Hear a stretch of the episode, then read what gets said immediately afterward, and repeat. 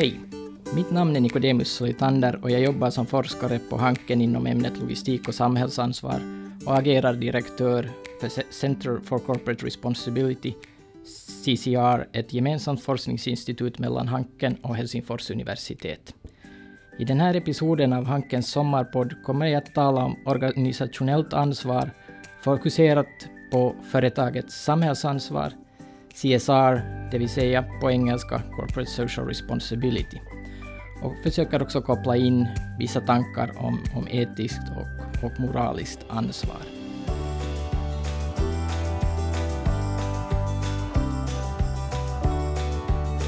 Jag kopplar de här temana starkt till min egen forskning och undervisning här på Hanken, men även ett av Hankens fyra styrkeområden inom forskning, det vill säga responsible organizing, ansvarsfull organisering.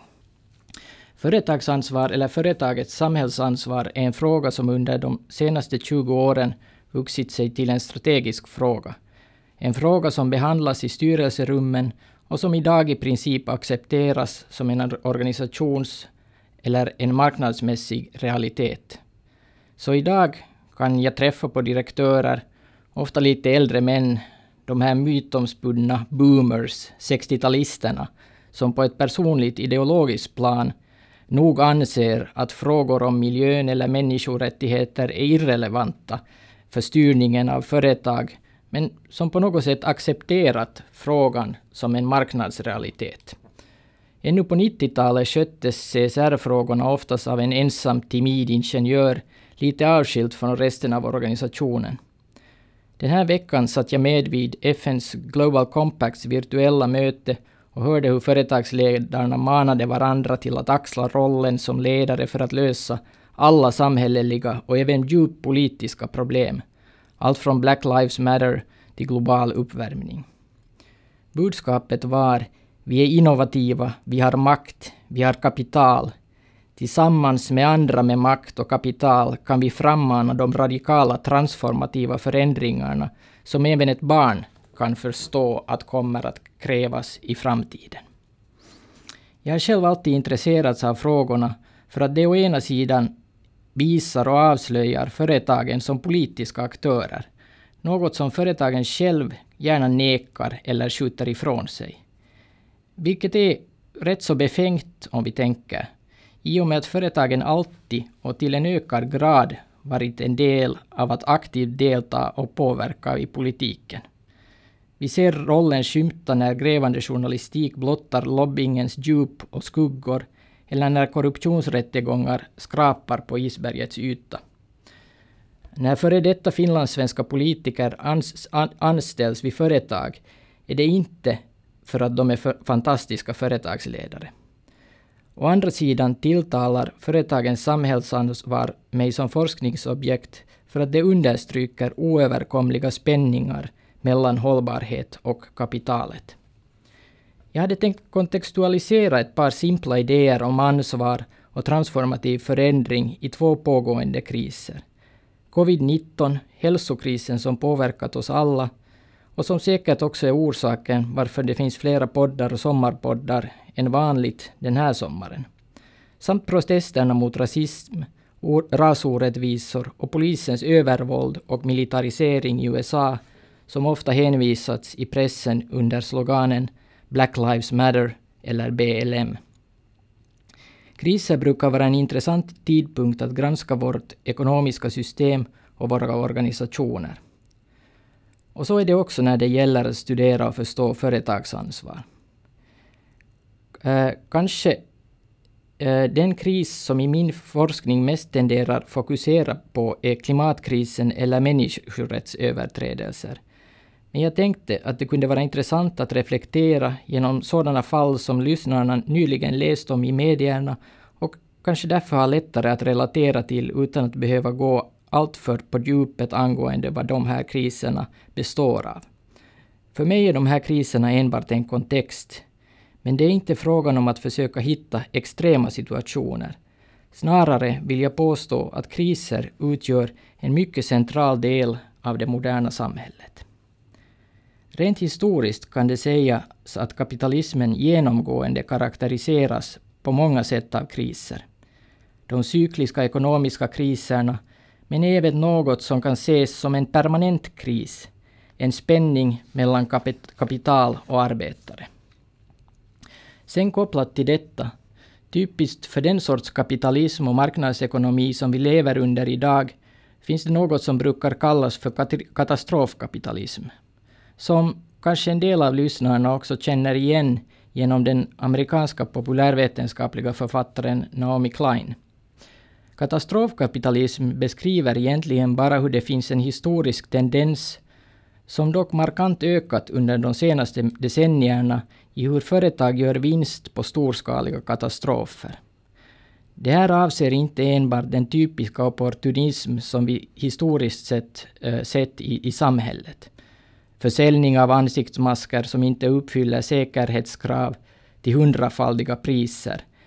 Eller, för att vara kritiskt reflexiv till min egen industri, antalet experter och forskare på hälsokriser som tusenfaldigades över en natt då det vankades mera forskningsfinansiering. Eller ombranding av vanliga konsulttjänster till kriskonsultering. Utan här avses mera systematiska förändringar. Vi lever idag i något av ett permanent tillstånd av kris som kräver snabba beslut, snabb privatisering av statliga åtaganden, politiska åtaganden som leder till och befrämjar växande klyftor av ojämlikhet. Det här möjliggörs ofta av att vi under kriser eller katastrofer tenderar att fokusera på, på det alldagliga som krävs för att överleva. Att vi under sådana tider tenderar lägga stor tillit till de som har makt. I Finland, som i de flesta andra länder, åtnjuter till exempel regeringen just nu rekordhöga siffror under den pågående coronakrisen. Nåja, för att återkoppla till företagsansvar. Låt oss ta två industrier som exempel. Logistikindustrin och hälsoindustrin. Båda är mycket intressanta i kontexten av covid-19. Båda identifierades snabbt som industrier kritiska med tanke på samhällets funktion, som det hette. Det här betydde då ofta runt om i världen att vanliga restriktioner angående arbetstid och övertid inte gällde för arbetskraften där. Båda av de här industrierna har och, för, och, och förlitar sig också på en arbetarklass som är lågavlönad och är överrepresenterad av personer i intersektionen av klass, kön och ras. Till exempel dominansen av kvinnor som lågavlönade sjuksköterskor i Finland eller en överrepresentation av personer med invandrarbakgrund inom äldrevården i Sverige eller antalet ytterst lågavlönade lagerarbetare och ibland även papperslösa som jobbar i USA eh, för detaljhandelsjättar som Amazon eller logistikföretag som UPS eller Fedex följandes temporära, eller som det kallas, flexibla kontrakt. Vad utgör då företagsansvar i de här kontexterna? Det är bilderna och texterna där vi å ena sidan kan se hur man genom sina ekonomiska aktiviteter har en positiv samhällspåverkan. Logistikföretagen levererar såväl basförnödenheter som nya plasma-TVn som vi absolut behöver för att ta oss ut ur krisen. Samtidigt tar sig företagsansvar uttryckt internt. Företagen vill fira sina anställda som hjältar under krisen. Det här är ju någonting som vi också observerade här i Finland.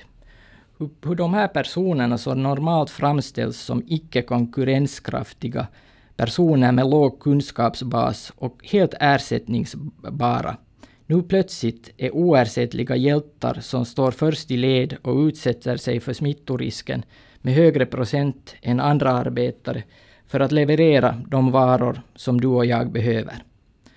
Samtidigt som detta är en exercis i företagsansvar pågår, det, eh, eh pågår tvingas just de här arbetarna som fortfarande hade de här temporära kontrakten att ta sig till sitt arbete för att inte förlora sin inkomst.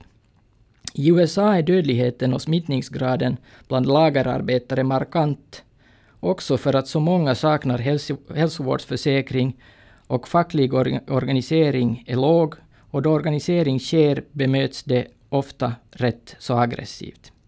Likväl när det gäller Black Lives Matter kan man konstatera att företag både i USA och Europa plötsligt har blivit politiska förkämpar för marginaliserade grupper, i detta fall den svarta befolkningen. Det är svårt att finna ett företag i USA som inte basunerar ut bilder och sloganer av Martin Luther King eller en bild av en svart knytnäve som sträcker sig mot himlen. Men vad som saknas i företagsansvarsdiskursen är rotfrågan. För katastrofer och kriser är sällan naturliga. Klimatkrisen bottnar inte i naturens krafter eller Zeus åskstav. BLM är inte en fråga om endast historia och oläkta sår från, från inbördeskriget. Och covid-19 och andra pandemier är inte enbart en historia om kinesiska vilddjursmarknader. Det är fråga om systematiska och institutionaliserade ohållbarheter var företag spelar en central och mycket aktiv roll. Slaveri i värdekedjor är en realitet för tusentals personer varje dag. Rasförtryck sker när man på kontoren kalkylerar den minsta möjliga lön för sina lagerarbetare eller äldrevårdare. Eh, för korten är redan delade enligt gränser av klass, ras och kön.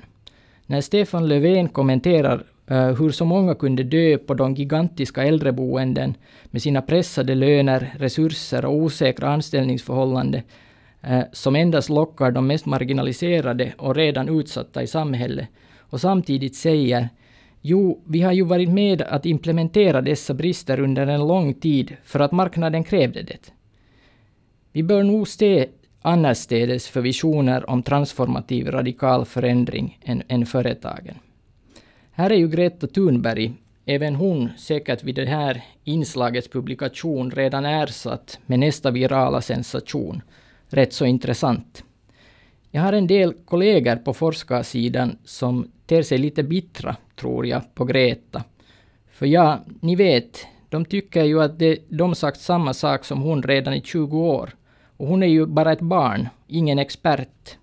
Det kunde ha varit jag som ledde denna globala rörelse hon snuvade mig på min enda chans att ha en global påverkan genom mitt for, min forskning. Men jag tror här att mina kollegor även missförstår Greta. Till skillnad från oss är Greta inte intresserad av dialog. Uh, och det här tror jag upprör väldigt många. För det är ju så som företagsansvar fungerar, genom dialog. Men dialogen i företagsansvar går ofta ut på att man ger en förklaring för sitt agerande. Det vill säga det är de facto en monolog. Det finns ingen utgångspunkt för att ändra på sitt agerande. Ett problem eh, med också de företagare och ekonomer som vi utbildar här hos oss på Hanken, om jag får vara lite källkritisk, är att vi inte utbildar dem speciellt mycket att lyssna. Vi utbildar dem främst för att fatta snabba beslut. Och för att få förstå grunderna till rasproblemen i USA och hur vi har byggt upp den globala ekonomin utifrån kolonialism eller slavarbete, för att kunna koppla covid till massindustriellt jordbruk eller för att förstå klimatkrisens ursprung behöver vi kunna lyssna. Och det tror jag att Greta vet. Frågan är om vi vet det själva som företagare, ekonomer eller forskare. Här till slut har vi ombetts rekommendera en bok som vi ämnar läsa. Men som tur är håller jag på att läsa N.K. Jemisins första bok, Den femte årstiden i trilogin Den söndrade jorden. På samma sätt som Margaret Atwoods Tjänarinnans berättelse, eller som det heter på engelska, Handmaid's Tale, en mycket kritisk och seriös systematisk betraktelse av vårt samhälle som vid första anblick kan tros vara endast science fiction är så även fallet med NK Jemisin. Den söndrade jorden samlar upp teman om klimatförändring och systemisk rasism samt förtryck över gränserna av klass, ras och kön. Jemisin har själv berättat att historien är inspirerad av polisvåldet och den institutionaliserade systematiska rasism men som finns i USA och Australien och dess koppling till kapitalism.